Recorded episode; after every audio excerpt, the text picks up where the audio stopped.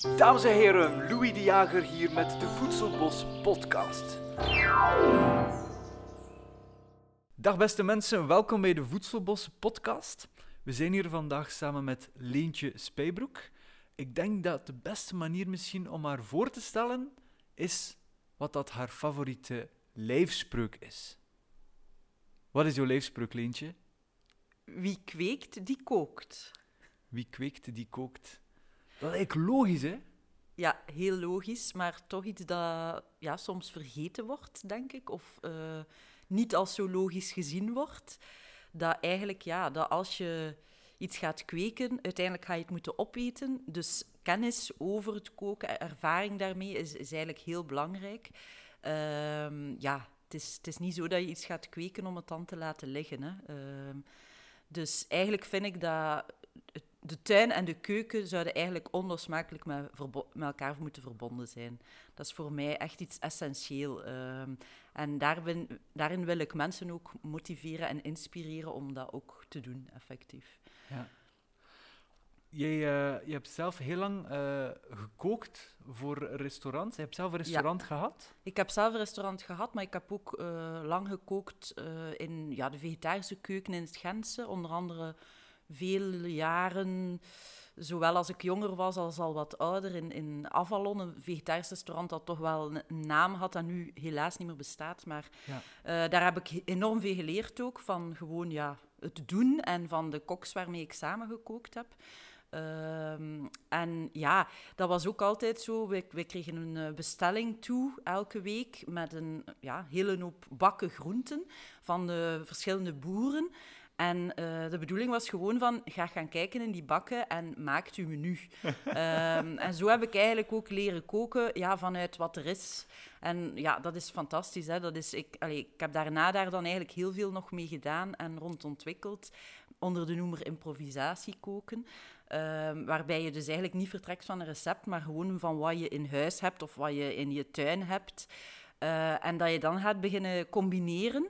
Um, en op die manier kook je eigenlijk echt vanuit die oogst, vanuit die groenten. En die groenten staan ook echt centraal. Die groenten en kruiden en fruit staan echt centraal. Um, en de bedoeling is ook echt dat je die laat spreken. Dus de, smaak van die groenten staat centraal. Oké, je gaat daar dingen aan toevoegen. Je gaat bepaalde bereidingswijzen uh, uitproberen. Je gaat smaakmakers toevoegen.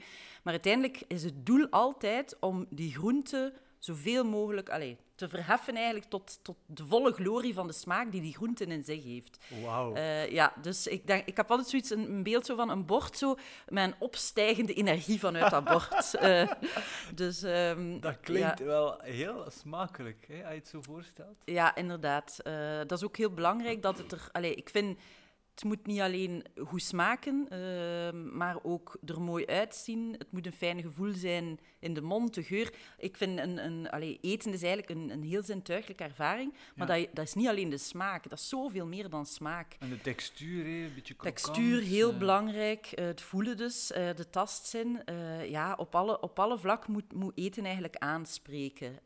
en daarin voel je ook, um, als je een, een bord bekijkt of allee, ervaart met je zintuigen, voelt je ook de liefde van de kok voor zijn vak. Ah, ja. um, als je, ja, je kan soms ergens gaan eten op een restaurant en dat, dat je zo de neiging hebt om te zeggen van dat is niet met liefde gemaakt. Ja. Um, en ja, ik vind... Het is erop gesmeten. Hè? Ja, en je voelt echt als iemand kookt met respect voor de producten waarmee je aan de slag gaat. En iemand die met liefde kookt, die wil ook goede producten, die ook met liefde gekweekt zijn. Dus uh, allee, dat, je kunt dat eigenlijk doortrekken. Uh, ja. Je kunt onmogelijk met liefde koken uh, met producten waarvan dat je het gevoel hebt van, dat, is, dat is dood voedsel. Dus dat is wel, ja, vind ik heel belangrijk. De oorsprong van het voedsel. Uh... Ja, dus als ik het goed begrijp, zet je eigenlijk de wereld van koken een beetje op zijn kop. Want de gemiddelde mens, denk ik toch, hé, die haalt zijn uh, receptenboekje uit en zegt van, goh, wat heb ik hier nodig voor die tagine? Goh, komijn, ik heb dat niet. Oh ja, ik moet daar courgetten. En dan ga je naar de supermarkt om al die ingrediënten van je receptje te gaan kopen. Ga je naar huis, hé, om dat dan klaar te gaan maken. Maar je gaat eigenlijk gewoon... Je krijgt gewoon een bak met groenten over je heen, als het ware. En je gaat zeggen, oké, okay, ik heb nu al die dingen. Wat ga ik daarmee bouwen? Wat ja. ga ik daarmee maken? Ja, en ehm, ik, ik moet zeggen, door de jaren heen is dat een manier van koken geworden die ik ook veel liever heb dan dat ik naar de winkel ga en daar zelf moet kiezen. Ik heb eigenlijk veel liever dat, dat ik een, een pakket krijg en daardoor komt mijn creativiteit op gang. En Ah, eh, ja. allee, eigenlijk spreken de ingrediënten tot mij dan. En ik voer uit wat dat zij mij zeggen of welk verhaal dat ze willen vertellen. Ehm, en ik vind dat een veel leukere manier van koken, omdat dat u, ja, dat is heel intuïtief. Ehm, en het, het, het brengt van alles naar boven. Ik zeg ook vaak als ik daar workshops rond geef, eh, rond improvisatie koken, van mensen weten vaak of kunnen vaak veel meer dan ze zelf denken. Je hebt een hele eh, culinaire ja, geschiedenis al ondergaan. Dat begint van als dat je kind was, eh, een lievelingsgerecht van uw oma, de manier waarop dat uw mama een taart bakte. En eigenlijk zit dat allemaal nog wel ergens in u. Ja. Ehm, en dat benutten is eigenlijk... Ja, eigenlijk zijn we dat een beetje vergeten omdat we zodanig veel naar recepten hebben gekeken. En ehm, heel veel groenten zijn we ook beginnen kennen op een manier eh, zoals het moet. Eh, dus bijvoorbeeld, je ziet een bepaalde groente voor je en je denkt direct aan, ah ja, dat komt voor in dat gerecht gerecht op die manier, in dat gerecht op die manier. En bepaalde combinaties zijn zo vanzelfsprekend geworden, dat om improvisatiekoken te doen, moet je eigenlijk een keer terug loskoppelen van wat dat je weet. En ik, ik noem dat vaak het bekijken als een kind. Dus met een volle verwondering eigenlijk, kijken Ja. naar je producten. Eh, en die opnieuw ontdekken. En dus even vergeten dat bijvoorbeeld, ik zeg, het nu, ik zeg nu maar iets, schorseneren, hè, dat is sowieso al niet de publiekslieveling. Eh, vaak nee. wordt dat plat gekookt en dan in een witte, waterachtige saus gestoken.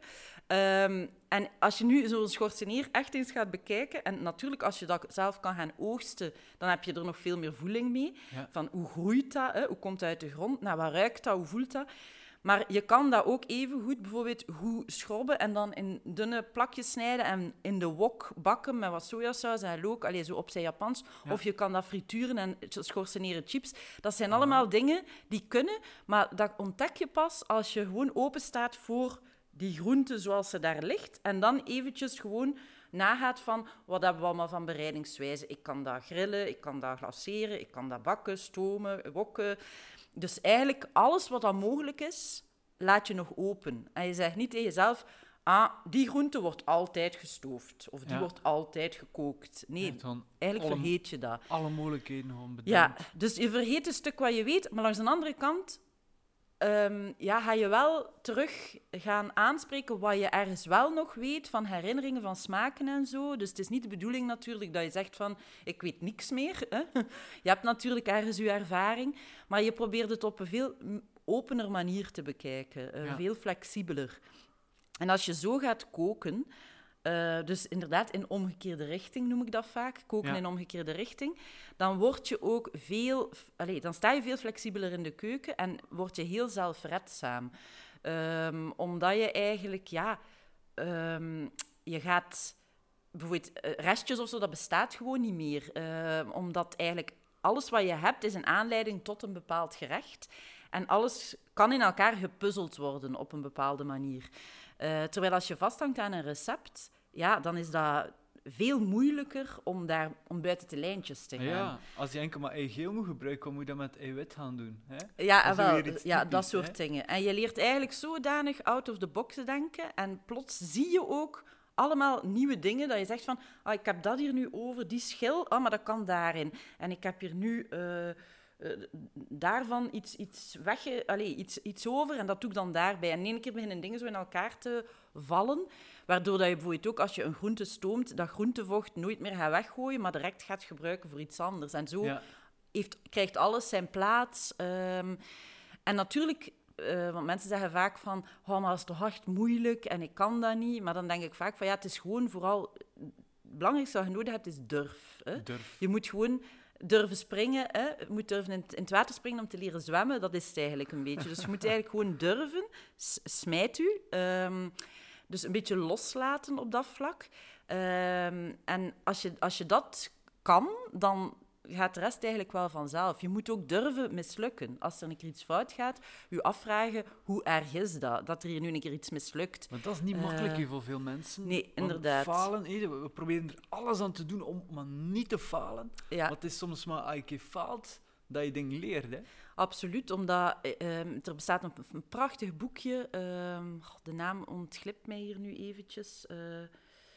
Ja, ik kan er nu niet op komen. Maar het is een boekje, ehm, prachtig geschreven, waarin dat er ook eigenlijk over improvisatiekoken avant la lettre wordt uh, gesproken. En dat is iemand die ook heel erg kookt vanuit haar gevoel.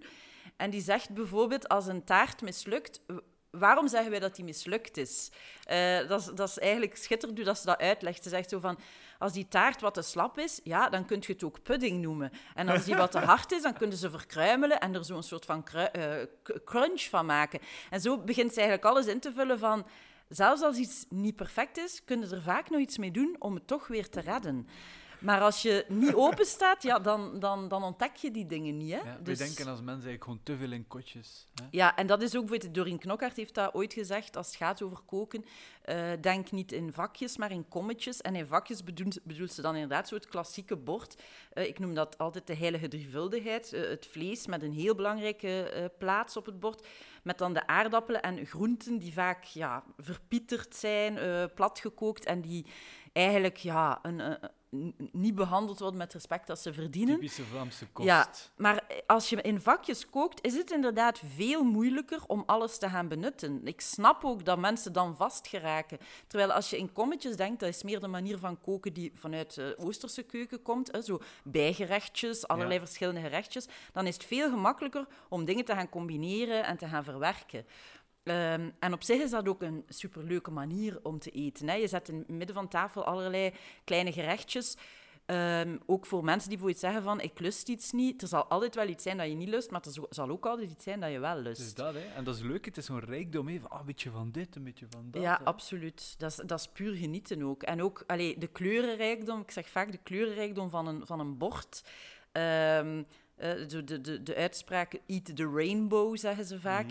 Ja. Um, mensen zeggen soms van, ja, is het wel gezond wat ik eet? En wat moet ik hoeveel eten? Maar als je eigenlijk gewoon veel kleuren op je bord hebt, en dus um, ja, heel veel verschillende soorten groenten gaat eten, dan moet je eigenlijk je dat niet eens afvragen. Dan zit je gewoon goed, want...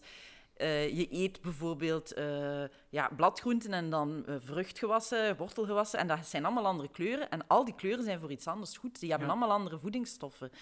Um, en die rijkdom, ja, dat krijg je dan ook allemaal binnen. Hè? ja, zeker en vast. Ik vind dat ontzettend belangrijk, die mindshift dat wij eigenlijk best wel moeten maken. Want uiteindelijk, wij leven vanuit het recept-mindset. En daar is heel onze voedingsindustrie naar gebouwd. Maar indien we vanuit jouw mindset zouden denken, dan kan de, de landbouw eigenlijk op een veel organischere manier uh, zijn vorm gaan krijgen. Kan bijvoorbeeld, als er een jaar een mislukking is van het een of ander, dan is zoiets van, ah, we zijn toch improvisatiekokers. Geen probleem. Wij zijn creatief, we kunnen dat oplossen. Want ja, mensen die bijvoorbeeld een voedselbos hebben, hè, die hebben dikwijls soms meer dan 50 verschillende soorten, soms zelfs 100. Echt de meest uiteenlopende dingen. En vandaag is dat rijp, en morgen zijn die drie dingen rijp, en volgende week zijn die 20 dingen rijp. Wat moet je daar in godsnaam mee gaan aanvangen? Hoe ben jij eraan? En dat vraag ik me nu eigenlijk wel af. Van, stel je voor, ik heb een voedselbos, ik heb hier gewoon tientallen verschillende dingen. Hoe, hoe ja, moet je dat dan eerst klassificeren? Of, hey, mensen denken natuurlijk vanuit de analytisch, maar hoe ben jij eraan? Ja, ik denk in elk geval, als het gaat over improvisatie koken, daar ben je niet... Als je jarenlang gewoon bent om met recepten te koken, ben je niet 1, 2, 3 een improvisatiekok. Dus je moet dat ook tijd geven, die ervaring ook opdoen. En um, bijvoorbeeld om daar al mee te starten, beginnen met, met uh, een groentepakket of zo, is voor mensen soms al een goede stap om, om toch groenten... Uh, allee, een diversiteit aan groenten te hebben van het seizoen, dat is voor veel mensen al een grote stap. Hè? Uh, ik denk dat dat belangrijk is, dat je langzaamaan ook begint te beseffen van, kijk, ik, ik heb hier verschillende dingen. En van zodra je daarmee begonnen bent, is zoiets als een voedselbos is eigenlijk gewoon een droom. Hè. Voor een improvisatiekok is dat een droom. Dat, is, dat is net alsof dat je in Lekkerland rondloopt hè, en dat je maar moet plukken en doen. En terwijl je aan het plukken bent, ben je eigenlijk al aan het koken. Uh, ik vergelijk dat vaak met zo uh, componisten die eh, in hun hoofd componeren. Hè. Die horen de muziek al. Ja. Bij mij is dat als ik ga plukken, ik proef het al. Ik, ik, ik voel dingen, die, Oh, ik, ik neem iets vast. Ik zeg van, ah, die combinatie. En door de geuren en de textuur te voelen, allee, door dus heel zintuigelijk er ook mee om te gaan, ehm, voel je eigenlijk al recepten groeien. Allee, dus recepten Zalig. groeien. Dus het is zeker niet, het is niet dat ik zoiets heb, improvisatie koken, recepten mogen niet meer. Mogen niet meer, integendeel. Want ehm, elke keer dat je iets maakt, ontstaat er een recept. En het is niet zo dat we dat dan niet meer mogen hergebruiken. Een goed recept, tuurlijk mogen we dat hergebruiken. Maar het mag gewoon geen juk zijn. Het mag niet zo een structuur zijn waar we niet uit durven gaan. Eh, de laatste tijd ben ik bijvoorbeeld mensen aan het helpen om langzaamaan te beginnen eh, in dat improviseren te geraken door eh, hen templates aan te bieden van recepten. Dat wil zeggen, dat is een recept waarbij eigenlijk alle ingrediënten kunnen vervangen worden. Ah, ja? Dus als ik bijvoorbeeld zeg van, kijk, in dat recept heb je, ik zeg nu maar iets, een template voor een groentetaart. Hè? Je hebt 300 gram groente nodig. Mhm. Ja. Maar dat zijn dan gewoon groenten van dat seizoen. En je hebt 200 gram nodig eh, voor, van eiwitten bijvoorbeeld, maar dat kan dan zijn en peulvruchten en allee, andere vleesvervangers. Dus op die manier leren mensen al, ze hebben dat nog een klein beetje gevast, maar ze beginnen al een klein beetje te durven met gelijk wat dat ze in huis hebben, daarin te Maar dat is- steken. Dat is eigenlijk al nog, misschien nog het beste van al. hè, Want dan heb je eh, je voedselbos met duizend soorten. En je zoiets van, ah, dat is hier mijn template 200 gram groenten. Oh ja, we gaan dat hier wel vinden. Dan 300 gram noten. Ah ja, de okkernotenzeereep. Of we hebben er nog van vorig jaar. En Ja. dan kan je eigenlijk alles, eh, heel het jaar door, hetzelfde recept te brengen. En iedere keer iets anders. Absoluut. En wat dat ook eh, heel interessant is, natuurlijk allee, het belang van de voorraadkast. En ik denk zeker bij mensen met een voedselbos, als het gaat over voeding die, die te bewaren valt, zowel door te drogen als door eh, in te maken, als door te fermenteren. Zo'n voorraadkast, ja, dat is echt dat is een, een, een paradijsje hè, in een keuken. En eh, de manier waarop dat ik mensen vaak zeg, mensen zeggen soms van, ik loop constant naar de winkel. Hè, en ik moet altijd, altijd ben ik toch iets vergeten en moet ik nog iets bij hebben. En ik zeg vaak van, bij mij is het, ik ga één keer in de week gaan koken op mijn, op mijn veld, allee, op het uh, waar ik lid ben, uh, het Weiveld. Daar ga ik gaan koken, dat is mijn groentepakket. Maar voor de rest heb ik eigenlijk gewoon een goed gevulde voorraadkast. En eigenlijk heb ik niet veel meer nodig. Uh, Oké, als ik een keer zin heb in iets van zuivel of, of iets anders van verse voeding, dan kan ik wel dan een keer gaan halen. Maar op zich, een voorraadkast met daar een mooi uh, arsenaal aan gedroogd fruit, pitten, noten, zaden, uh, peulvruchten, granen. Ja, dat is, dat is fantastisch. En eigenlijk heb je alles wat je nodig hebt dan. Hè. Je groenten, je verse groenten, je verse producten, dat zijn je vitaminen en mineralen. En in je voorraadkast vind je eigenlijk um, bronnen van koolhydraten en bronnen van eiwitten. En daar heb je nodig om een volwaardige maaltijd samen te stellen. Dus zo'n voorraadkast aanleggen en daar ja, het, het eigenlijk doet een beetje denken zo, hè, aan, aan dieren die het, de wintervoorraad ja. aanleggen. Ik denk dan zo, als je een voedselbos hebt, dat dat fantastisch moet zijn om inderdaad ook echt zo een voorraad aan te leggen waarvan je denkt van, kijk, ik, ik, ik sla dat hier nu in en de, komende, de rest van het jaar kan ik daar volop van genieten. En ja. eet ik eigenlijk, ja, nog steeds, proef ik nog altijd de smaak van seizoenen daarvoor, ja. gewoon omdat ik ze bewaard heb, hè, op een manier. Is dat haal je je vetten? Wat zeg je? Je vetten, haal je dat? Ja, en vetten natuurlijk in noten en zo zitten er al veel vetten. Nette pit, noten, pitten, zaden, ja, zijn vetrijk van Ja. zichzelf. Of olies? Ehm, en olies, ja, die je dan... Allee, ehm, je kan die kopen, maar je kan eigenlijk ook olies maken van bepaalde producten. Ehm, wat je ook kan maken is bijvoorbeeld van bepaalde zaden en pitten, als je dan maalt, een soort van pasta's, hè, eh, die ook heel, heel olierijk zijn. Pindakaas en sesam. Ja, bijvoorbeeld tahin is iets dat ik heel veel gebruik in de keuken. En vaak vervangt dat voor mij ehm, een stuk ja, vetstof in mijn Ja. eten. Ehm, Dat dat, is dat is zo rijk, eh tahin. Ehm, ja, en daarnaast kan je natuurlijk ook wel af en toe aanvullen met wat, eh, met- wat zuivel. Mensen die eh, vlees of vis eten, af en toe een stukje vlees of vis. Ehm, maar inderdaad, een, een, een volwaardige maaltijd moet eigenlijk altijd 10% aan vetten hebben. Dus dat is, Ja. dat is inderdaad belangrijk, eh, gezonde vetten. Maar bij ons is dat nogal overgeslagen. Hè. In het Westen de laatste jaren zeker naar veel te veel. Dus eigenlijk moeten we daar niet zo bang van zijn dat we er niet genoeg zouden binnen hebben. Meestal hebben we er echt wel genoeg binnen. Ja. Uh, maar het is wel leuk om dan die gezonde vetten te gaan introduceren. Ja. Ik vind ook zo bepaalde notenmengelingen. Ik maak eigenlijk altijd zo notenmengelingen waar zowel noten in zitten, maar ook pitten zaden. Dat is altijd een mix bij mij, zo, soms Ah. zelfs granen.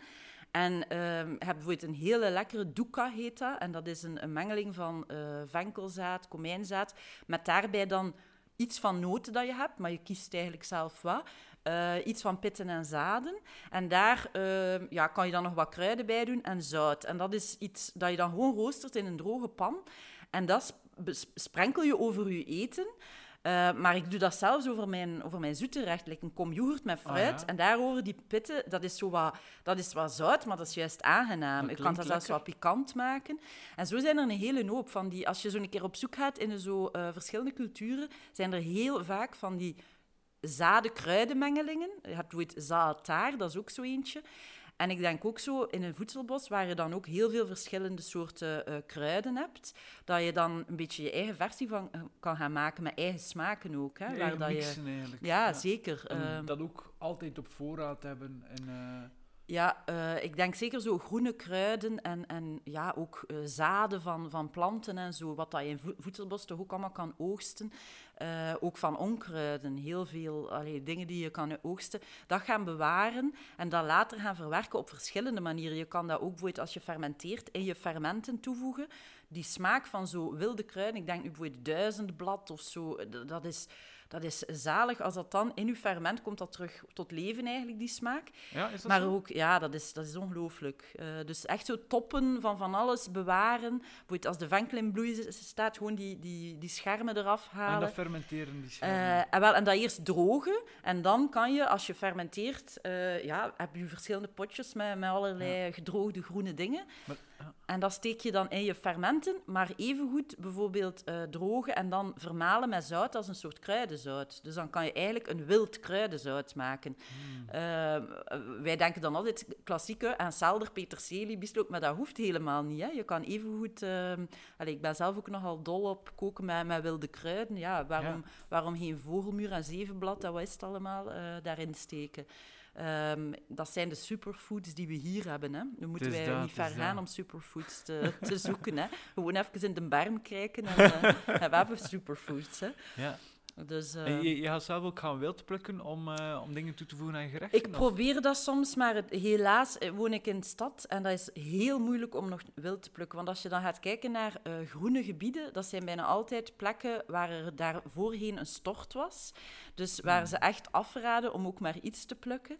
Dat is, dat is eigenlijk zo zonde, want allee, je gaat dan naar, naar bijvoorbeeld...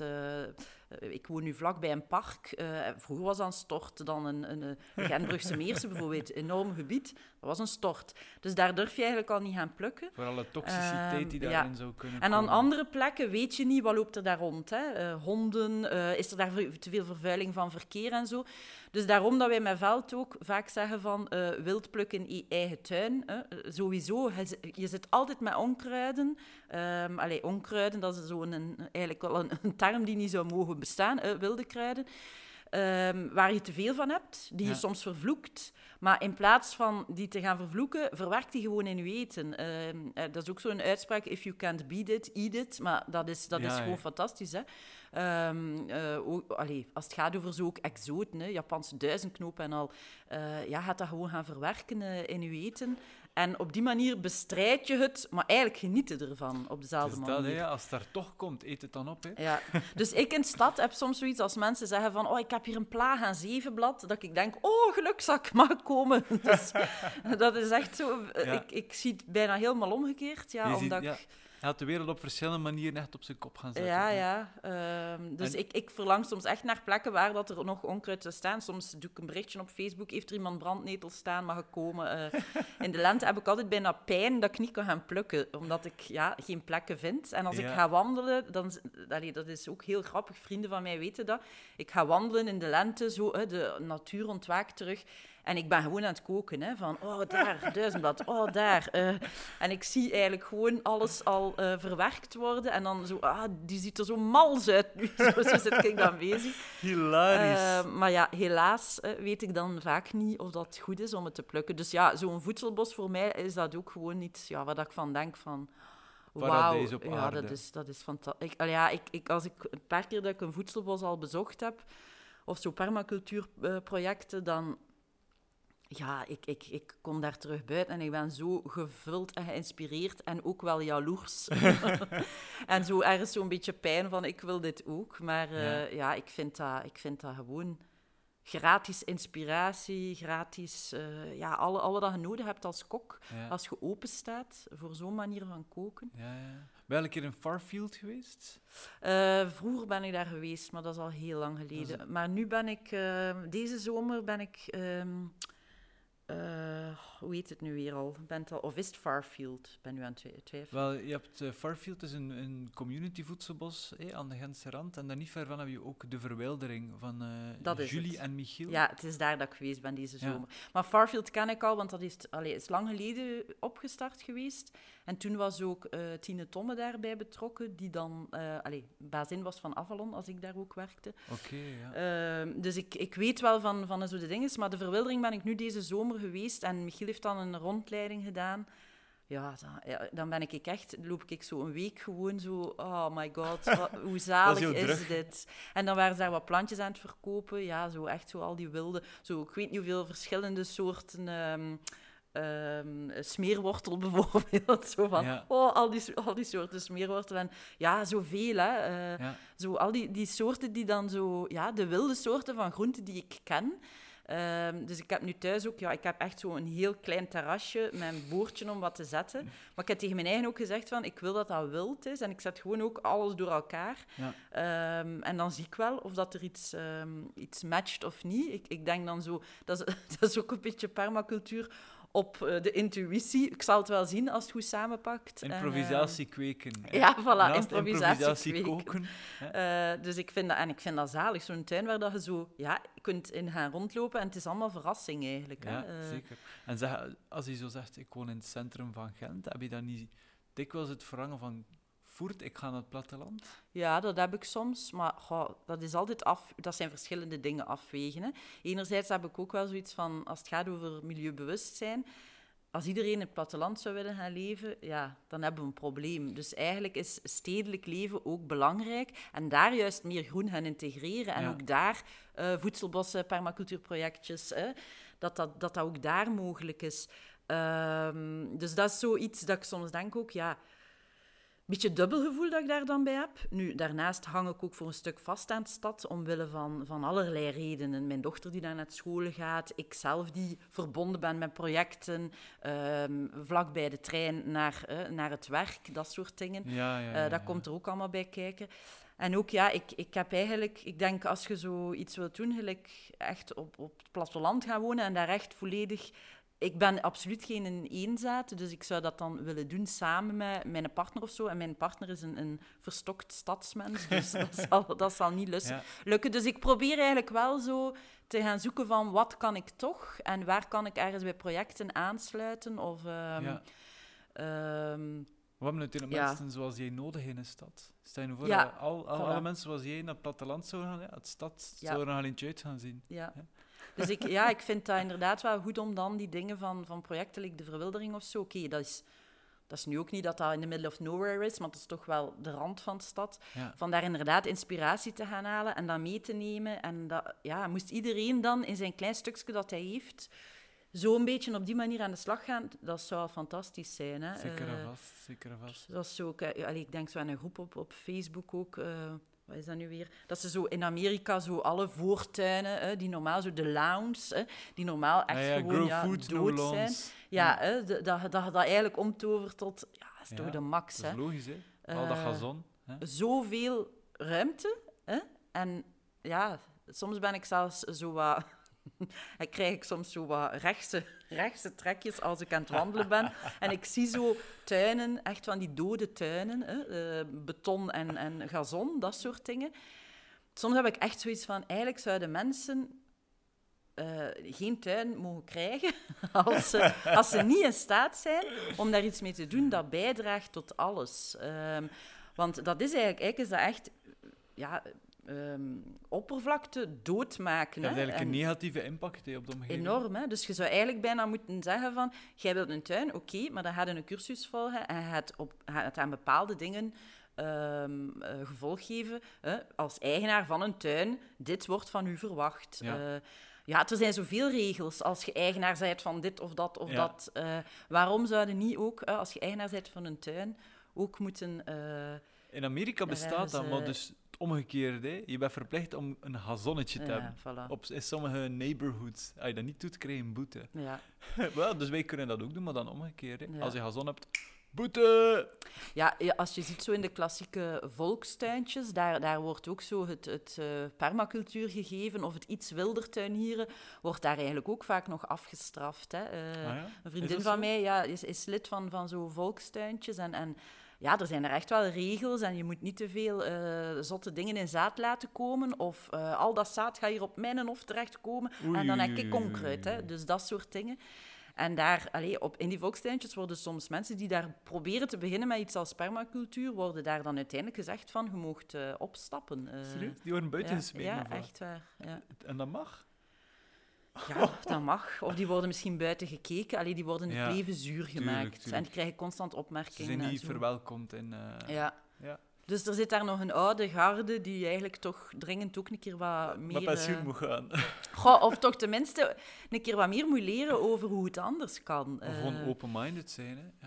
Ja. als ik denk van, ja, ehm, volg een keer gewoon een, een, een, een workshop of, of zelfs gewoon een lezing of een webinar bij mensen als, eh, ik denk dan aan een Bertond, ja. die praten over, allee, dat is, als je dan hoort hoe alles in elkaar zit, hoe dat die kringloop klopt, en dat wij daar ook deel van uitmaken, dat is, allee, dat kun je toch niet anders dan daar geboeid door zijn en daarvoor openstaan, denk ja, ik. zeker en vast. Daarnet vertelde je me dat je dingen fermenteert. Eh, wat moet je daar eigenlijk bij gaan voorstellen? Fermentatie, ik ken dat van bier. Hè. Ik vind dat Mhm. eh, een vrij tof proces alleszins. Maar je kan het dus ook met groenten doen en met van alles en nog wat. Maar hoe ben je daaraan? Dat lijkt toch ja, enorm moeilijk om... eh, Ja, dat is inderdaad iets, dat is, dat is heel vreemd, maar mensen hebben nog altijd daar een stuk schrik van, van fermenteren. En ook een soort van ontzag van de wereld van het fermenteren. Dat lijkt zoiets onvatbaar. Hè? Zo, eh, ja, het is natuurlijk ook een levend proces. Hè? Je gaat eigenlijk gaan werken met bacteriën. Dat is een beetje zot eigenlijk. Je denkt zo, eh, bacteriën in de keuken. Maar dat zijn de goede bacteriën, hè? de melkzuurbacteriën. Dat zijn fantastische eh, bacteriën die eigenlijk voor ons het werk doen. Hè? Die, Mhm. die gaan eigenlijk die fermentatie mogelijk maken. En eigenlijk is, is fermenteren is een van de eenvoudigste manieren en een van de veiligste manieren om voedsel te gaan bewaren. Serieus? Want je hebt eigenlijk niet meer nodig dan zout. Dat is eigenlijk het enige dat je nodig hebt. Hoe komt dat nu? Of waarom is dat dat je zout nodig hebt? Ehm, daar, je hebt dan bepaalde eh, eh, fermenteerders die zelfs zeggen dat het zonder zout kan. Maar we gaan het niet te ingewikkeld maken. Eh, maar het is ook niet ingewikkeld. Het is eigenlijk gewoon een kwestie van... Dus je gaat aan de slag met melkzuurbacteriën. Nu, groenten hebben op hun oppervlakte... hebben die al melkzuurbacteriën. Er zijn er al melkzuurbacteriën groenten. aanwezig. Ja, alle groenten, eigenlijk overal. Hè? Ook op, op alles, op onze handen. Overal zijn er eigenlijk bacteriën, Ah, ja. goede en slechte. Nu, die melkzuurbacteriën, dat zijn goede. En die willen we gaan benutten om te fermenteren. Die hebben we nodig, want die gaan voor ons die fermentatie doen. Ja. Wat doen die namelijk? Die gaan eigenlijk de suikers uit de groente gaan omzetten in melkzuren en koolzuurgas. En die gaan de structuur en de smaak van die groente gaan veranderen. Daardoor krijg je ook die typische umami-smaak, eh, die zo typisch is voor fermentatie. Dat is echt ook in dat proces dat dat ontstaat. dat is die- sauerkrautachtige smaak? Ah ja, tuurlijk. Ja. Zuurkool is eh, een, een voorbeeld van een gefermenteerde groente, hè, die, we, die we goed kennen. Kimchi is nu ook vrij in aan het geraken. Dus dat zijn zo de twee dingen die we kennen. Maar eigenlijk kunnen we alles fermenteren. Dus alle groenten kunnen we fermenteren. Ehm, en we hebben die melkzuurbacteriën nodig, maar die melkzuurbacteriën die moeten zich vermenigvuldigen en we willen het die zoveel mogelijk naar een zin maken. Dat is eigenlijk ons, ons doel. Als die het naar een zin hebben, dan gaan ze vermenigvuldigen en dan zijn we vertrokken. Ja. Nu, die melkzuurbacteriën hebben één ding absoluut niet graag, dat is zuurstof. Dus wij moeten eigenlijk zorgen dat we onze groenten volledig afsluiten van zuurstof. Dat is eigenlijk het belangrijkste van al. Dan gaan die melkzuurbacteriën hun werk doen. Die zijn daar al aanwezig op Dus dat die zijn groenten. anaerobe bacteriën. Ja. Dus wat gaan we doen? We voegen eigenlijk zout toe. We hebben twee methodes, maar laten we de zuurkoolmethode nu eh, even nemen. Eh, daar gaan we eigenlijk zout toevoegen aan de groenten die we gaan versnijden of verhakken of raspen. En we gaan dat kneden. En dan gaat er heel veel vocht vrijkomen. Dat komt gewoon uit die groente, dat vocht. En in dat groentevocht, dat zout groentevocht, dat is een pekel, gaan we die groenten gaan onderdompelen. En we gaan echt gaan zorgen dat die volledig ondergedompeld zijn. En that's it. Dus that's it. Hè? Dat is dus echt niet meer dan dat. Maar dan komt die fermentatie op gang. Dus dan ga je zien, er ontstaan belletjes, bubbeltjes. Dat is dat koolzuurgas dat begint te ontstaan. Het begint te verzuren. Dat is omdat die melkzuurbacteriën die zuren gaan produceren. Ja. En na drie weken heb je eigenlijk een eetbaar gefermenteerd product. Nu, je kan dat veel langer ook bewaren. Je kan dat, als je dat dan koel bewaart, kan je dat tot jaren bewaren. Als je dat ehm, nog verder laat fermenteren, gaat het altijd maar zuurder en zuurder en zuurder worden, want uiteindelijk zijn alle suikers verdwenen en omgezet in zuren. Ehm, dus dan moet je een beetje kijken van wat vind je lekker. Hè? Sommige mensen hebben het liever zuur, anderen minder zuur. De textuur gaat ook op termijn zachter worden. In het begin is dat krokanter. Dus je kunt lang en kort fermenteren. Eh, dat kiest je eigenlijk zelf. Maar op het moment dat je je fermenten klaar zijn, dan zet je ze best in een koele, op een koele plek, om ze dan voor lang te kunnen bewaren. Is dat dan in een frigo of eh, in een Ja, in, in een kelder kan dat ook, maar koele kelders, helaas, als je kijkt naar de nieuwe manier van bouwen en wonen, dat bestaat bijna niet meer. Dus dat is eigenlijk, allee, als het gaat over fermentatie, is dat eigenlijk wel een gemis. Ja, ja, ja. Eh, nu, in, Kore- in Korea hebben eh, mensen twee koelkasten. Dat is één koelkast voor een eten en één voor een kimchi. Serieus? Dus dat is voor hen echt iets ja, dat daar aanwezig is. En natuurlijk kun je daar dan ook over beginnen discussiëren als het gaat over ecologie. Hè. Die, die koelkasten, eh, je hebt dan twee koelkasten. Maar aan de andere kant, eh, ik ken geen mensen die niet ook een diepvries hebben om dingen in te bewaren. Dus eh, ik denk zelfs dat je twee koelkasten hebt, dat je minder zal verbruiken dan een diepvries die enorm veel verbruikt. ja, die veel kouder moest ehm, zijn. Hè. Ja. Voilà, dus ik denk als je gewoon werkt met twee diepvriezen, koelkasten en je zet in je ene koelkastje fermenten, waarmee je, dat je dan de winter door kan, ja, dat je eigenlijk daar ook wel enorm veel groente kan op, op een heel toffe manier kan je gaan bewaren. Hè. Ja, ja. Eh, nu in de winter is het wel mogelijk om dat op een koelere plek dan wel. eh, onder de 13 graden moet je eigenlijk Ja. zitten eh, om je dingen te gaan bewaren. En daarin, ja, dus we kennen zuurkool, maar eigenlijk kan je dus gaan, gaan spelen met alle mogelijke groenten. En ik denk dan zo, zeker die typische winterknollen en al aardpeer, knolselder, pastinaak, haverwortel. Dat is, die, die smaak van die groenten, dat is, dat is niet, niet te vergelijken. Dat is, dat nog nooit geproefd dat is ongelooflijk. Knolselder. ehm, en als je dat dan gaat combineren met bepaalde umami-producten, zoals Wat wil miso. umami? Umami is eigenlijk, ehm, je hebt dus de, de, vijf smaken, en, eh, ik denk door de vijf smaken, en umami is de zesde smaak. En dat is eigenlijk zo een smaak, je kunt dat moeilijk uitleggen, maar dat is zo echt een smaak waarvan dat we zeggen, eh, een dat geeft een fond Is aan dat je een miso bijvoorbeeld? Is Ja, dat- miso. Miso is, is een typisch umami-product. Maar ook bijvoorbeeld gedroogde paddenstoelen. Veel zo paddenstoelen, like shiitakes en zo, die smaak. Zo een hele volle, warme smaak. Ehm, ja, een, een bouillon bijvoorbeeld, zeker een vleesbouillon, dat is... Vlees heeft eigenlijk enorm veel umami. Ah, oké. Ja, dus het heeft iets zout, eh, iets eh, vol. ehm, Stovers. zo, like bijvoorbeeld gistvlokken, dat is in de, in de vegetarische keuken dan, dat is ook echt heel erg umami. Ja. Ehm, En dat krijg je dus bij fermentatie, krijg je die umami, maar je kan dat ook gaan toevoegen nog extra, door dan inderdaad te gaan werken met gedroogde paddenstoelen. Look heeft ook heel veel umami, gebakken ajuinen, Ja. ook heel veel umami. En die dingen kan je eigenlijk gaan, gaan toevoegen. Eh, en zo kom je dan ja, tot, tot hele leuke combinaties. ehm, waarbij je, waar er geen regels zijn. Dus ook als het gaat over improviseren, eh, in het fermenteren No kun je dat dus ook eh, volledig gaan doen. Hè. Daar, Ja. daar kun je echt... eh, kan er alles in smeden. Ook, ook Ja. fruit? Eh, fruit kun je ook fermenteren, maar daar moet je voorzichtig mee zijn, omdat fruit bevat heel veel suikers. Ja. En die kunnen je ferment soms zo'n danige boost geven dat het te snel gaat. Ah, ja. Ehm, en eh, als je bijvoorbeeld zou zeggen van ik, ik, ik ga fruit gewoon apart gaan fermenteren, dan krijg je bijna zo zuurbommen. Omdat dat zo snel gaat. Dat bevat dan zeer veel koolzuurgas. En de smaak van dat fruit is er dan eigenlijk volledig uit. Ja. Dus je kunt eigenlijk beter fruit gaan eh, pureren en verwerken in een ferment. Of eh, gedroogd fruit eh, in, in kleine reepjes of zo gaan toevoegen. Ja. Eh, en zo wel die, die zoete... Maar op zich is dat dus zeker heel lekker. like rozijnen of zo, om dat daarin Ah, ja. te gaan doen. Het enige dat ik ken zijn umiboshis. Hè, dat zijn pruimen die, Ja. die gefermenteerd zijn, denk ik toch? ja, dat is ook gefermenteerd. Ja. En inderdaad, dat smaakt heel zuur. Maar het is, wel, ja, dat is vooral voor je maag heel goed. Hè, als je, Ja, en het is ook, allee, sommige eh, fermenten zijn vooral eh, heel lekker als, als smaakmakers. Hè. Dan, ah ja. dan, eh, allee, ehm, dat is ook iets waar dat ik mee bezig ben, zo fermenten gaan verwerken in gerecht. Want mensen zeggen soms van, ik heb daar dan zo'n bokaal ferment en nu? Eh, want geet dat dan toch niet zo op? Hè? Een bokaal zuurkool geet dat niet zo op? Nee, inderdaad. Maar dan moet je even gaan denken van, waar kan ik dat verwerken? In, in, een, ehm, in een stoofpot, in een eh, salade, in een spread, in dressings. Wel, nu, bijvoorbeeld, Eh. nu heel concreet, in mijn frigo zit er dus zuurkool dat ik gekregen heb bij mijn groentepakket. Hè. Ook, ik krijg dat, we krijgen dat wekelijks en we moeten daar ons plan mee trekken. Is vooral wat mijn vriendin die dat gelukkig doet. Ehm, want ik heb daar minder kaas van gegeten. Maar, wat moet, ik- wat, moet ik daar nu Ja. mee gaan doen? Want ik vind dat veel te zuur, ik kan er niet tegen. Stel Ja. me voor dat ik daar iets mee Ja, dat hij zegt van, oh, dat is eigenlijk niets voor mij. Ehm, wel, wat dat, wat dat ik vind dat sowieso lekker is, je maakt een dressing. Eh, ik zeg nu maar iets, allee, zo een, een tartaar, eh, zo een typische kruidendressing. Eh, Je doet daar wat mayonaise en yoghurt bij en dan allemaal groene kruiden. En ehm, vaak zouden dan zeggen van, ik doe daar bijvoorbeeld eh, wat versneden ehm, zure augurk of kappertjes bij.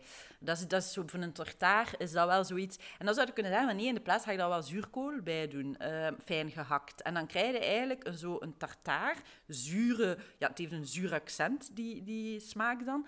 Maar dat maakt die saus juist lekker. Ja. Natuurlijk, als je zegt van, ik ben absoluut geen niveau zuren eh, in mijn voeding, dan, is, dan, is, ehm, dan zijn gefermenteerde groenten een, uitdaging. Ja, Ehm, maar ik denk dan nog niet dat, dat, dat dat daarom niet toegankelijk is. Ik denk echt wel dat bijvoorbeeld, ik, eh, je hebt een, een, een rijstsalade bijvoorbeeld. ehm, dat is een receptje bijvoorbeeld, een, een, een rijstsalade met allemaal zo eh, Oosterse kruiden. En dan gefermenteerde bloemkool, eh, kleine stukjes gefermenteerde bloemkool daarin. Je, je kan het eigenlijk echt wel vergelijken met bijvoorbeeld zure augurken, kappertjes, eh pickles, zoals wij ze kennen zo. Eh, waar gaan we dat gaan bij doen? Ja, dat eten wij ook, hè, bij Ja, bepaalde ja, dingen. Eh, een portie gefermenteerde groente bijvoorbeeld bij een kaasschotel is, is heel lekker. Ehm, in combinatie daarbij. Of op een toastje met wat paté en dan daarop zo'n beetje ge- gefermenteerde groente. Dus het geeft altijd een zure toets die heel digestief is. En je het dus ook eigenlijk toe bij je eten op, op, een, ja, op een moment dat je zegt van dit, mag, dit kan een zuur accent gaan gebruiken. En is is het zo dat er bepaalde mensen zijn die gewoon zoiets hebben van, kijk, alles dat gefermenteerd is, ik moet daar sowieso niet van weten. Eh, er zijn mensen die dat zeggen, maar dat is bijna altijd een vooroordeel. Want, serieus? Ja, ik, ik eh, ervaar dus als we, als we dan uiteindelijk met, met die mensen koken met fermenten, eh, zelfs met kinderen. Ah ja? Wij hebben bijvoorbeeld een zuurkoolslaatje in, een- in een boek bij Veld, lekker gesmeerd, allerlei spreads en zo. Dat is een zuurkoolslaatje met dan zo gebakken veggie Weense worstjes in, zuurkool, mayonaise, yoghurt allee, en nog wat kruiden. En dat is echt iets dat kinderen dol op zijn, omdat die ook wel dat, dat zure wel kunnen allee, appreciëren, maar in combinatie met andere Ah, ja. dingen. Eh, ik denk anders, een, een zure augurk, wie zou dat nog lusten? Hè? Dat is Ja. ook zoiets. Je hebt echt ook kinderen. Een biekenburger, hè? Mijn, dochter bijvoorbeeld, eh, als ze naar examen zit, vindt ze niets zaliger dan een bokaal zoete, eh, zure hurken en de een en te eten. Dus ik denk dat dat ook een kwestie is van smaak en Ja. zo. Like olijven, dat is ook iets dat sommige mensen Ja. daar niet van weten. Nee, hè? Het is ook iets ingelegd uiteindelijk. Ook iets... ook op ik denk, ja, intense smaken. Denk aan een truffel. Sommige mensen moeten dat ook niet weten. Ehm caviar, oesters. ja. Dus Olijven, zijn die ook gefermenteerd? eh, ja, die zijn ook gefermenteerd. eh, maar hoe dat, dat dan gebeurt, dat durf ik nu niet te zeggen. Ik heb Maar je hebt daar ook verschillende dingen in, hè, want dat wordt dan op olie ook ingelegd. Maar eh, vaak wordt dat ook in zout gefermenteerd. Ik heb altijd Ja. gehoord dat dat dus de, ja, de rijpe olijven zijn dat ze van de bomen slaan. Ik heb nog meegeholpen van dat eraf te kloppen. En dat ze dat dan in, in zout water doen. Maar ze vervangen dat zout, wel, zout water wel af en toe. Ah ja, kijk. Dus ik weet niet of die Maar Daar bacteriën... ben ik nu eh, zelf niet van op de hoogte. eh, maar ik weet wel dat er daar ook een fermentatieproces... Want je hebt ook zo die, zo die zwarte olijven die zo heel droog worden. Hè? Die Ja. Griekse... eh, dus daar denk ik dat er toch ook... Nu, fermentatie is veel meer dan enkel... Bij groentefermentatie, dat is een fermentatie met melkzuurbacteriën. Maar heb bijvoorbeeld, als je denkt aan, aan wijn en zo, dat zijn eh azijnzuur- en wijnzuurbacteriën. En bier, Eh, dat is... Dat is ja, dat Ja, dat zijn heel zijn, andere eh, bacteriën die bijvoorbeeld ehm, niet anaeroop zijn. Ehm, dus je hebt daar enorm diversiteit in. Maar bij die melkzuurbacteriën, waarmee dat je groenten gaat Ja. in fermenteren, daar gebruik je die melkzuurbacterie die dus echt wel geen zuurstof wil. Eh, maar als je bijvoorbeeld zelf azijn wil maken door bijvoorbeeld eh, wijn te laten verzuren, dan moet er juist zuurstof. Dan, dan is het zelfs best om dat in een pot te doen die je af en toe schudt om de zuurstofbelletjes daar eigenlijk in te krijgen. Oké. Ja, dat is dan de Eh. advanced versie. Maar oké, stel je nu voor, ik wil ermee starten. Hey, ik heb het eigenlijk al altijd willen doen, maar ik kom daar maar nooit toe, omdat dat, ja, ik heb er ook ontzag voor. Hey, dat lijkt me super moeilijk. Ja. Stel je voor, ik heb worteltjes. Hè. Ja, Kan ik die wortels in zijn geheel doen, of moet ik dat in, in blokjes doen? Of... je kan kiezen, ofwel ga je dus zo fijn gaan raspen of snijden, Ja. ehm, zoals dat ik dat juist zei, dat is de zuurkoolmethode. En dat, Ja. is de- dat noemen we droge fermentatie, omdat we het vocht van de groente gaan gebruiken en enkel zout gaan toevoegen. Maar wortels, dus als ik dat dan schel, moet ik dat dan wat kneden? Of... Eh, je moet eigenlijk gewoon je wortel, ofwel je kan dat in, in, eh, met een mandoline in dunne plakjes doen, of je kan dat eh, echt gaan raspen, hè? Ja. Fijn gaan raspen. En dan ga je gewoon zout gaan toevoegen en dat kneden met je handen. En dan gaat er enorm veel vocht vrijkomen. Serieus? Ja, dat is, dus je moet dat er geen is, water bij doen? nee, nee, dat is, dat is Ah, ongelooflijk. oké. Wat er daaruit komt, allee, als je dat dan ziet, de eerste keer dat je dat doet, dat is echt een bad hè, dat je krijgt. Ehm, dus je, je gaat dan eigenlijk zorgen dat dat zocht, vocht vrijkomt hè, door dat zout toe te voegen, wat dat vocht onttrekt, en door goed te kneden. En als je nu zegt, ik ben echt een beginner, ik wil dat gewoon een keer proberen, dat is eigenlijk een ideale manier om restjes te verwerken. Gewoon een, een bokaal die je, die je hergebruikt. Heb bijvoorbeeld gekookt, ik doe dat vaak, ik ben aan het koken, ik heb daar zo restje witkool, restje rode kool, restje wortel, restje rode biet. Ja. Ik versnijd dat allemaal op kasblad even. Ik doe daar zout bij, ik kneed dat goed, soms nog wat smaakmakers of kruiden. En dan steek ik dat gewoon in een klein bokaaltje. Ik duw dat goed aan. Altijd een gewichtje erop, dat goed Een ondergedompeld. Ja, je moet er eigenlijk altijd iets op Ah, leggen. wat, wat heb je daarin op? Een steen dat of kan een, eh, een schaaltje zijn van porselein, een glaasje, dat je in die bokaal zet en dan teksel dicht doet. Ah ja, dus omdat het altijd eh moet altijd ondergedompeld zijn. on, zijn in Ja. het vocht zelf Ja. van de groente. Ja. En doe je er soms water bij of nooit? Wel, dat is de andere manier van fermenteren, maar dat is dan de natte methode. Dat is als je bijvoorbeeld zegt, ik wil blokjes fermenteren of bloemkoolroosjes Dus bijvoorbeeld. grotere dingen. Ja, radijzen, Ah, ja. bloemkoolroosjes. Ja, het zou zonde zijn om die te raspen, hè, want dat is zo schoon. Ah ja, het is dat. Dus eh voor het radijzen is een mooi voorbeeld. Dan kun je dat inderdaad, dat vocht, die groenten, ja, kunt dat er niet uithalen als je het niet raspt. Dus dan ga je een pekel maken van water en zout. Dus je gaat dan gaan fermenteren wel in water dat je toevoegt, met zout erin. En je steekt eigenlijk gewoon die eh, groenten dan in dat zoute vocht. Maar op zich is dat juist hetzelfde, alleen gebruik je water. Bij dat andere gebruik je het groentevocht. Het vocht zelf, ja. Eh, maar hier kan je dat niet doen, omdat je het, niet, het vocht niet vrij kan Ja. eh, maken. En als ik het goed, als ik goed heb opgelet, dan moet je dat al van de eerste keer in de frigo steken? Nee, Nee. eerst ga je drie weken gaan fermenteren op kamertemperatuur. Ah ja, dus de eerste drie Tussen weken is 18 gewoon... en 21 graden. Dus kamertemperatuur is het best van Ja. al. En je moet openlaten, want anders dat koolzuurgas, dat gaat anders Nee, ontploffen. je, doet het wel dicht. Ah, je doet dicht. Ehm, en je laat af en toe een beetje druk ontsnappen door gewoon een keer lichtjes te draaien aan het teksel. Of bij, ideaal is een wekpot eigenlijk. Je kan een bokaal gebruiken, maar wekpotten zijn hè, met de rubberen Ja, ring en een, een beugelslot. En wat doe je dan? Om het te openen ga je eigenlijk je hand op het teksel tegendruk doen. En je gaat openen, dan gaat dat pssst, ontsnappen.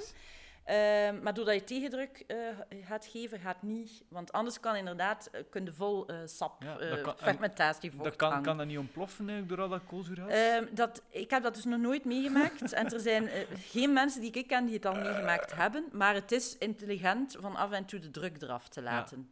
Maar zeker zo'n wekpot, dat is heel stevig materiaal. Hè. Dat is heel dik glas. ja, eh. Dus dat kan eigenlijk bijna niet ontploffen, maar ik doe het wel. Het is ook zo dat je best altijd in een schaaltje zet, want het kan ook een beetje beginnen lekken. Dus het, het kan overlopen. Ah, ja? Door de druk, ja, krijg je inderdaad... eh, dus dat, dat kan allemaal wel En gebeuren. dan na drie weken mag je dat gewoon dicht doen en in de frigo zetten en that's it. Ja, en dan gebruik je dat en dan kan je dat maanden tot jaren blijven gebruiken. Dat wordt niet slecht. Fantastisch. Ik ga dat nu toch een keer doen, zeg. Ja, maar je gaat het ook moeten leren eten dan, hè? Als je zegt dat het niet zo lekker Ik ga dat wel combineren met andere dingen. Maar kijk, er, er komt eh, normaal gezien in september een fantastisch boek uit eh, rond kook, eh, allee, koken, het, het ehm, eh, fermenteren volgens op het ritme van de seizoenen. En dan gaan koken met de fermenten. Dat is een boek dat je zelf aan mee hebt gewerkt? of? Dat zijn we nu met Veld aan het maken. Aan mijn veld bij dat boek aan het maken. Ja, samen met Sam de Wilde, dat is echt een, ja, een fermentatie-expert. hebben we dus een, een heel jaar lang gefermenteerd. Alle mogelijke, ja, eigenlijk al de oogst voor van een heel jaar gefermenteerd. Maar. En, eh, en daar, daar dus mee, ja, gaan we dan daarna mee gaan koken en gaan we gaan tonen van hoe ga je gaan combineren. Eh, en daar zijn dan dingen bij, bijvoorbeeld, ah, ik denk aan, aan een recept, kimchi-wafeltjes bijvoorbeeld. Dat is, dat is helemaal niet meer zuur. Want dat is eigenlijk gewoon die kimchi die je verwerkt. Oké, het gaat er een zuur, zuur accentje in zitten, maar Ja. dat is juist lekker. Maar dat zijn eigenlijk echte hartige wafeltjes. Hmm. Ehm, en zo zijn er veel dingen. Je hebt ook eh, stoofpotten waar dat je dat kunt in verwerken. En dan is dat eigenlijk gewoon een zure toets. Maar dan is dat niet dat je echt enkel dat zuur eet. Ja. Maar dat hangt een beetje af van, inderdaad, allee, mensen die van zuurkool houden, ja, die vinden dat sowieso heel lekker. Hè? Ja, ja, ja, ja. Zij er iemand die daar minder aan is. Wat dat je ook wel kan doen, is korte fermentatie. Dat noemt ook tsukemono, noemen ze dat ook. Dat is vanuit Japan dat dat komt. En dat is een fermentatie van een paar uur. Waarbij je eigenlijk gewoon wat groente gaat nemen en eh, met zout ook mengen, in een potje steken. Daar, daarvoor zorgen dat dat ook onder staat in het vocht. En dan laat je een paar uur staan en dan ga je een heel korte fermentatie hebben. Maar je hebt dus In een wel paar al uur tijd, ja, toch? Ja, en dat is bijvoorbeeld zalig. Ik denk dan ook aan voedselbossen en zo. Dat is heerlijk voor alle mogelijke ehm, blaadjes. eh, blaadjes, kruiden, dus ook voor onkruiden, maar ook eh, ja, alles wat van bladgroenten. Dus gewoon in Ehm, water met zout steken? Nee, nee, nee. Ah, Dan, dan, hoeft, ja, dan hoeft het eigenlijk niet. Bij het doe ik meestal gewoon eh, de droge methode. Dus gewoon een klein beetje Zout mengen. mengen. en- Ja. En dan ga je zien dat vocht gaat, er gaat steeds meer vocht uitkomen. Ja. We hebben het bijvoorbeeld een keer gedaan eh, met, met warmoes. En dan daarbij look, eh sojasaus en een beetje miso. En dat in, in, gewoon in een, in een... Ja, er bestaan daar ook speciale persen voor. Pikkelpersen noemt dat Ja. dan. Dat is een smaakbom. Dat is ongelooflijk. en ja. noten, kan je no- noten fermenteren? of Dat is veel moeilijker omdat noten dus olie bevatten. En olie is iets dat ranzig wordt. Dus dat, is, dat is iets dat... Ah. Allee, Ja. naar wat ik eruit geleerd heb, is, is, eh, is dat iets waar dat er niet op die manier eh, mee gefermenteerd dus, wordt. Dus vlees fermenteren gaat ook niet. Dat gaat, maar dat is... eh, ik, ik weet niet... Allee, dat is een methode die ik niet echt ken, maar dat, ja, vle- vlees wordt gezouten ook. Hè, Ja, dus dat ja, ja. kan ook gepekeld worden. Maar dat is iets dat ik... Ik heb eigenlijk... Allee, de, de tijd dat ik er nu mee bezig ben, een paar jaar, mij volledig toegelegd op fermenteren met, met groenten, kruiden. Ehm, ik weet dat je heel veel kunt fermenteren. eh, ook zuivel, ja, kazen. Het is, het is, Ja, ja. het is eindeloos, hè. En over, Eh. over vlees gesproken, hè, je bent een improvisatiekok, stel je nu voor, hè, je hebt de voedselbos, maar eh, ja, een voedselbos is ook paradijs voor wildlife. Uh-huh. En je bent toevallig een vleeseter en je schiet af en toe hè, wat dieren om ze op te eten. Dan moet je ook improviseren met wat dat je vangt. Is dat iets dat, Dat kan dat ook gedaan wordt? Ehm, dat is iets waar dat ik minder ervaring mee heb, maar ik moet bijvoorbeeld wel zeggen, als je bijvoorbeeld... allee, mijn, mijn principe daarbij is een beetje bijvoorbeeld, wat ik soms doe, is een volledige kip kopen. En eh, daarbij heb ik ook zoiets van, haal het meeste daaruit. Hè, Ja. zoveel mogelijk daaruit halen. Dus je kunt dat vlees verwerken in iets, maar je kunt ook die botten afkoken voor een, een, een bouillon. Dus je kunt eigenlijk echt, alles van die kip moet eigenlijk gebruikt worden. Dus uit eigenlijk- respect voor die kip, allee, voor het vlees dat je daarvan krijgt, is voor mij het, het, het belangrijkste principe van... eh, Waardeer dat en gebruik dat. Hetzelfde mensen die een varken kweken. eh, Vroeger was dat nog, nog veel extremer. Hè. Elk stukje van dat varken, hè, de poten, de staart, alles hè, werd gewoon verwerkt en opgegeten. En ik vind eigenlijk uit respect voor ja, iets dat leeft, dat dat dan toch het minste is dat je kunt doen. Eh, Dat je er dan alles van op eet. dat je dan zegt van, ik ga wel ervoor zorgen dat daar niets van verspild eh, wordt. Nu, dat is natuurlijk een discussie. Hè. Eh, als je natuurlijk vegetariër bent of zelfs vegan, eh, kan het zijn dat, dat je daar gewoon niet voor open staat. Dat je denkt, zegt van, kijk, ik beschouw een dier als evenwaardig aan mij en ik wil dat geen pijn doen lijden, eh, zoals ik dat zelf niet wil. dan ga je dat niet doen. Hè? Dus dat, dat is een keuze die je maakt. Maar ik vind, als je dan toch vlees eet, moet je, moet je eigenlijk wel... Ja, ergens zou je ook in staat moeten zijn om het dan zelf te doden. Hè? Dus, Dat vind ik ook. dat is zo een, een vriend van mij die ooit zei van... Kijk, eh, mijn kinderen gaan vlees mogen eten als ze zelf eh, een kip kunnen slachten of een, of een konijntje de nek omdraaien. Ehm, ja, misschien dat er dan al veel minder mensen zullen eh, vlees eten. Ik vind dat een vrij goede methode. Eigenlijk. maar ik denk inderdaad, allee, als je bijvoorbeeld zegt van ik heb een, een koe of een varkentje of zo, hè, en dat, dat, is, dat zit in die kringloop mee, en ik ga dan dat vlees gaan verwerken, ja, haalt daar dan het meeste uit. Ja, ja, ja. Ehm, verwerkt dat op een manier dat je daar ook lang kan van genieten. Eh, ik denk dan ook van, eet zeker, eh, zo- zowel voor gezondheid als voor milieu, vlees met mate. En gaat dat eigenlijk eerder gaan gebruiken in gerechten als een smaakmaker dan dat je echt zo een lap vlees gaat eten. Het is niet gezond en het is niet ecologisch. Dus, en, En eigenlijk, eh, vlees heeft ja. zoveel smaak, ehm, waardoor je eigenlijk er maar heel weinig van nodig hebt om iets smaak te geven. Ja. Eh, alleen mensen die bijvoorbeeld, eh, ik zeg nu maar iets, een pasta bolognese maken met gehakt. Ehm, of dat er daar nu veel gehakt in zit of wat minder gehakt. Uiteindelijk blijft dat, door dat, de smaak van dat gehakt, lekker. En vaak kun je je afvragen van, is dit wel nodig om daar zoveel bij te doen? Hè? Zo, eh, steaks van, eh, die je kan gaan eten van, van, van eh, 250 gram, dat zou gewoon niet meer mogen. Eigenlijk zou dat niet meer mogen. ja, inderdaad. Dus, Dat is een ehm, heel andere discussie natuurlijk. Hè. Maar ja, maar het gaat, dat- het gaat wel allemaal ook over de kringloop en Ja. respect voor waar dat je mee werkt. Dat is ook wat de Ehm, gezondheidsexperts zeggen. Hè, van, hey, spreid je vlees over eh, een hele week en iedereen een klein beetje, wat is het, 50 gram of zo? Ja, Ik weet het 80 niet. gram, ehm, 80 is, gram. is normaal gezien. Ehm, ja, dat Ik- kan je doen als je zegt van dat is nodig voor mij. Nu, ik vind, Ja. Eh, ik ben zelf iemand die, ik eet heel af en toe vlees. Ehm, ik, ik ben ook iemand, ik ben een enorme bourgondier en ik lust alles graag. En dus ook vlees in alle mogelijke, op alle mogelijke manieren. Maar ehm, ik kook heel wei- weinig met vlees, gewoon omdat, ik, eh, omdat het niet nodig is. Ja. Ehm, ik heb gewoon zoveel in huis en zoveel in mijn omgeving waar ik kan mee koken, waardoor dat vlees eigenlijk vaak overbodig wordt. Ja, ja, Maar ik zeg nu niet, eh, vroeger bijvoorbeeld, mijn vader die had eh, schapen en die liet die dan slachten. Als hij mij dan zei van, kijk, ik heb hier voor u dat of dat, dan ging ik dat wel gaan verwerken. Maar ook op een manier dat ik zoiets heb van, dat is niet zo dat ik dan een maaltijd heb waar dat er een stuk vlees op ligt met wat groentjes bij. Nee, even aardig van eh, veel groente en hier en daar dan misschien een keer iets van vlees erbij. Ja. Ehm, Ik denk dat dat sowieso eh, voor de toekomst eh, het beste, de beste keuze Voor onze is. planeet ook natuurlijk. Ja. Hè. En voor de lieve diertjes natuurlijk. Ja, de lieve diertjes, dat wordt dan allee, soms op een manier gezegd dat dat dan bijna... Ik vind dat vaak jammer dat dat dan... Op die manier wordt dat dan weer belachelijk Ah, gemaakt. maar nee, ik, hè. ik, ik, doe dat- ik eet Eh, geen vlees voor de lieve diertjes. Is zo? Ja? Ja. Echt uit liefde voor de dieren. Ah, ja, ik, ik heb al een keer een kip geslacht omdat hij ziek was. En, En is eh, dat... Is dat ik, heb je dan echt zoiets van... Moest dat niet het milieu ook zoveel kwaad doen? Zou ik het toch nog altijd niet doen omdat het lieve dieren zijn? Wel, ik heb gewoon zoiets van, kijk, ik had, een, ik had een kip die ziek was en die was echt gewoon, die ging echt dood en die had echt pijn. Eh, en die heb ik gewoon zijn kop eraf gehakt, hè, om hem uit zijn lijden te, ver, te verlossen. Ja. Ehm, met veel pijn in het hart. Hè. En dan, dan stel je jezelf de vraag van, oké, stel je nu voor dat ik dat gewoon puur zou doen voor mezelf te voeden, terwijl dat, ja, het is wetenschappelijk bewezen dat je geen dier Ja. nodig hebt om gezond te zijn. Dus van, allee, zo'n lieve kip, moet ik dan echt die verantwoordelijkheid nemen van, tjaka, kop eraf, ja, nee, maar dat is... puur voor, voor, eh, voor mijn genot.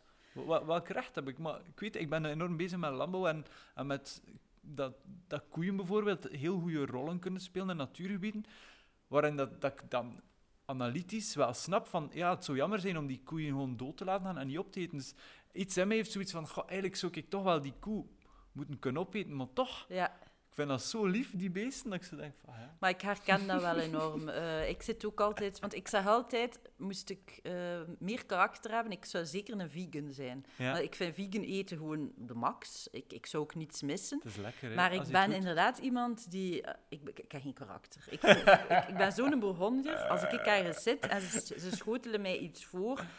Een ja. lokaal gerecht met iets van vlees of vis of zo. Ja. En dan moet ik zeggen, nee, ik ga dat niet eten. Ja, ik vind dat dus heel moeilijk. En ik vind het soms jammer dat ik niet zo die dierenliefde...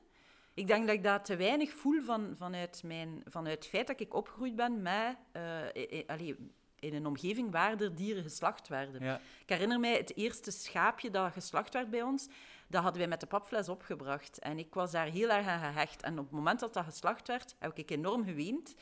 Maar daarna heb ik tegen mijn eigen gezegd...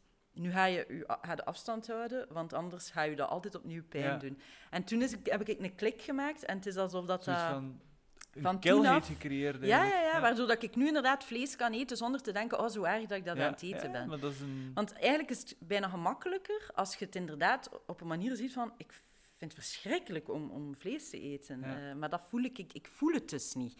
ja, ik, ik, maar met mijn verstand vind ik, ehm, vind ik vegetarisch, vegan leven en eten... Vind ik, ik, heb ik enorm veel- respect voor. Maar ook al je gevoel niet, omdat je daarin opgegroeid bent en die... Ja, en omdat ik inderdaad... Ja, ik, als ik in omgevingen kom waar er dan toch vlees wordt gegeten... ehm, Ja, Of, of ja, als je vegan bent, is het nog veel moeilijker hè, dan... dan eh, ja. Dus ik denk dat ik thuis voor 80% eh vegan zal eten. eh, maar als ik op verplaatsing ben, op reis of eh, ergens gaan eten of zo, dan, dan ga ik wel een keer ehm, ja, vlees eten of zo. Maar ehm, ja, ik, ik, ik zeg het, ik heb enorm veel respect voor mensen die, die geen vlees eten. En ik, ik vind ook zo iemand like Tobias Leenaert, de, die Eva VZ2 heeft opgericht. Ja. De manier waarop dat hij daarmee ehm, bezig is, ehm, eh, ook op, op een manier van... Het is veel beter dat veel mensen het imperfect doen, hè, dan Dat heel veel mensen perfect... Ja, ik denk dan dat, een paar mensen het perfect doen. Sowieso, en extreem Dat is voor mij, ik vind dat gezond, fantastisch. hè. Donderdag Veggie-dag bijvoorbeeld is veel beter dat, dat mensen minder vlees gaan eten, dan dat we blijven zeggen van... eh, eh, Iedereen, stop ermee. ja, Ja, het- dat, dat, dat werkt niet. Dat moet werkt niet. organisch gebeuren. Hè. En er is al zoveel aan het veranderen, dat is super positief. En waarom verandert het? Vooral omdat we mensen verleiden met hoe lekker het is. Maar ja, als je gaat eten bijvoorbeeld bij Humus en Hortense hier in Brussel, ja, dan heb je zoiets van, oké, why the fuck do you eat meat? Absoluut, Dat is ja, ja, het ja. lekkerste eten op Dat is aarde. ongelooflijk, ja. Ehm, ja. Zeg, je was daar net aan het vertellen over een boek. Eh, je werkt bij Veld. Ja. Ehm, Dus nu zes jaar werk ik bij Veld. eh, kan je heel kort eh, uitleggen wat je daar doet? Eh, dat is heel divers. Ehm, ja, ik ben daar binnengekomen. Ik was dus altijd kok geweest, dus dat was voor mij een enorme cultuurshock in het begin. Ja? van ineens een bureaujob te beginnen doen. Maar ik heb eigenlijk, en dat is fantastisch aan Veld, ik heb eigenlijk echt de kans gekregen om daar mijn eigen ding ook te doen. Serieus? En toch nog heel veel voeling met voeding te houden. Ook al doe ik daar een bureaujob. Dus ik zit inderdaad aan mijn bureau eh, doorheen de week. Maar ik heb ook de kans om bijvoorbeeld recepten te ontwikkelen, om kookboeken te schrijven waarvoor dat ik recepten moet uittesten. Eh, ik heb nu sinds eh, corona eh, ben ik daarmee begonnen, een, een, een soort van online kookprogramma, keukenpraatjes. En dat is in, tijdens corona was dat elke zaterdag, omdat we mensen zo echt wouden zeggen van Ja. kom, toch nog verbinding. Nu, nu is dat één keer per maand en dat is altijd koken rond een thema ehm, dat aansluit bij dat seizoen op dat Ja. moment. En dat is altijd de zaterdag, ehm, één, één zaterdag in de maand van, van 11 tot 12 kook ik dus eh, online en mensen kunnen kijken, kunnen meekoken. Eh, en er is dan op Facebook een groep keukenpraatjes waar mensen ook volop kunnen uitwisselen. Ah, ja. En dat is, allee, ik, dat, dat over- overtreft mijn stoutste verwachtingen. Dat leeft, dat is eh, een community aan het worden. Ehm, waar dan mensen elkaar vinden die, die gewoon dol zijn op koken, op gezond, lekker, ecologisch koken. Ehm, Je bent de Sandra Beccari aan het worden van het eh improvisatiekoken. eh, eh, er is gezegd door iemand in Weekendknak, de Nigella Lawson. Dat vond ik toch nog een iets, iets mooier compliment. Zalig. Wat een Maar, compliment. Maar allee, ik vind dat inderdaad wel heel leuk om te doen. Om mensen te... Ja, ik vind het heel tof om te, en te en- enthousiasmeren en te inspireren. En ik moet daar zelf eigenlijk niet veel voor doen. Ik moet hen gewoon tonen wat er kan. En als ze dat zien, dan, dan, dan beseffen ze hoe, hoe gemakkelijk het eigenlijk is. Ehm, ik, ik, heb ook zo, ik werk dan ook zo met een soort van, ik noem dat spiekbladeren.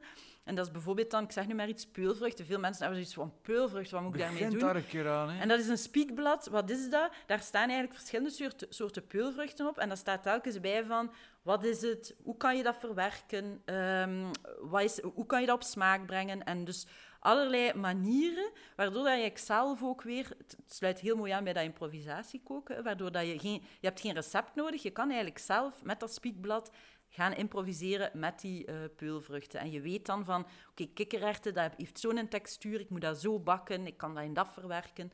Ehm, en dat heb ik al gedaan voor een aantal dingen. Ook voor bijvoorbeeld zelf uw broodbeleg te maken.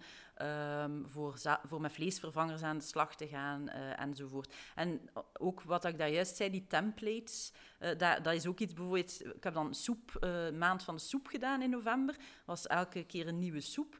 En dan heb ik ook een soeptemplate gemaakt. Ja, dat is zo simpel. Je zou kunnen zeggen, iedereen kan soep maken. Maar Ja. soms hebben mensen toch iets van... Zo'n vast. goed basisrecept voor soep, waar dat ik dan inderdaad constant kan gaan verwisselen. En ook wat heel leuk is bij soep, is dan zo de toppings. daar ook gaan Ah, zeggen van, ja. kun je dat doen, dat doen, ehm, ja, om, om het mooi te maken en, en aantrekkelijk te maken. Dus ja, ik, ik vind het heel tof om op een laagdrempelige manier zoveel mogelijk mensen te verleiden met eh, voeding die ecologisch is, maar zonder eigenlijk te zeggen van dit is ecologisch en nu ben je ecologisch. Nee, gewoon zeggen, kijk, ik kook lekker. Ja, Het is de max, hè. Het- Het is super lekker, het is plezant, het is genieten. En dan zeggen, en weet je wat, het is ook ecologisch. Is dat niet tof? Dat is eigenlijk iets dat je er nog een keer bij krijgt. ja. Dus je gaat eigenlijk gaan verleiden ook in de omgekeerde richting. Eh, ja, dat werkt ook veel beter. ja, absoluut. Dus niet met het eh kijvende vingertje, maar met, eh, gewoon met, met de tonen van, kijk, het is gewoon tof, het is lekker, eh, het is genieten. Ehm, ja, en wat doe ik nog bij Veld? Ehm, ja, dat zijn, er zijn soms projecten rond voeding. We hebben ook een heel ehm, team lesgevers. Ehm, en daarbij ook voedingslesgevers, een stuk of 50 mensen die dus Amai, over heel eh, Vlaanderen en Nederland les gaan geven. Ja. En ik maak eh, samen met een collega maak ik de workshops. Dus eh, wij ontwerpen workshops eh, die dan kunnen gegeven worden door onze lesgevers. En wij begeleiden onze lesgevers ook als die met vragen zitten. Eh, die worden dan geboekt en die hebben dan soms zoiets van hoe, hoe moet ik die workshop nu best invullen. Dus die kunnen dan altijd terecht eh, voor tips en advies. Dat, en ik probeer daar ook echt een, een, een groep van te maken die goed aan elkaar hangt, die ook geniet samen, regelmatig een keer samen een bijscholing of een uitstap of zo. Ja. Eh, dus dat is ook heel tof. En dan ben ik eh, een aantal jaar geleden begonnen met iets waar dat ik van denk van dit zou zo mooi aansluiten bij voedselbossen en dat soort evenementen, eh, allee, eh, projecten. Ehm, en dat is samen koken. Oké. En dat is eigenlijk de bedoeling dat je ja, een, een, een, in een buurt, in een vereniging, in ergens waar een groep mensen samen is, eh, zegt van kijk, laat ons. Eh, ik, ik geef dan als insteek vier keer per jaar, vier, seizoenen, vier keer per jaar. Laat ons vier keer per jaar samen koken met de oogst van dat seizoen, met de dingen van dat seizoen. En een lange tafel maken en mensen daar eh, aan laten samenkomen. En dat is dan met die techniek van dat improvisatiekoken. hè. Dus eigenlijk gewoon van we brengen oogst samen. Soms is dat ook met voedseloverschotten dat we dat doen. En dan gaan we eigenlijk gewoon gaan, gaan combineren. Hè. De, het kookploegje leert dan ook van ons hoe dat je dat doet. En zo maak je een super diverse buffet. Ehm, ik heb zo bij het Wijveld, het ben ik zo, denk drie jaar geleden begonnen met zo'n ehm een kookgroep. en ehm, dus wij koken met tien en dan eh, nodigen wij al de leden uit van het Wijveld. En dat zijn er op dit moment, denk al 300 gezinnen of zo. Eh, en meestal komen er een stuk of 80 mensen dan eten. Maar dat is fantastisch. Hè? Je kookt dus eigenlijk met alles wat je vindt op dat veld. Je maakt daar een buffet van. De mensen komen eten en ze zien... Oh, maar heb je dat met dat gedaan? Oh, dat ga ik ook een keer hoogsten. Oh, kunnen mij dat receptje geven? En iedereen begint met elkaar te babbelen. Ja. Terwijl dat die mensen elkaar voor de rest eigenlijk niet kennen. Nee, Want die komen wel oogsten op dat veld, maar vaak op andere momenten. Ja.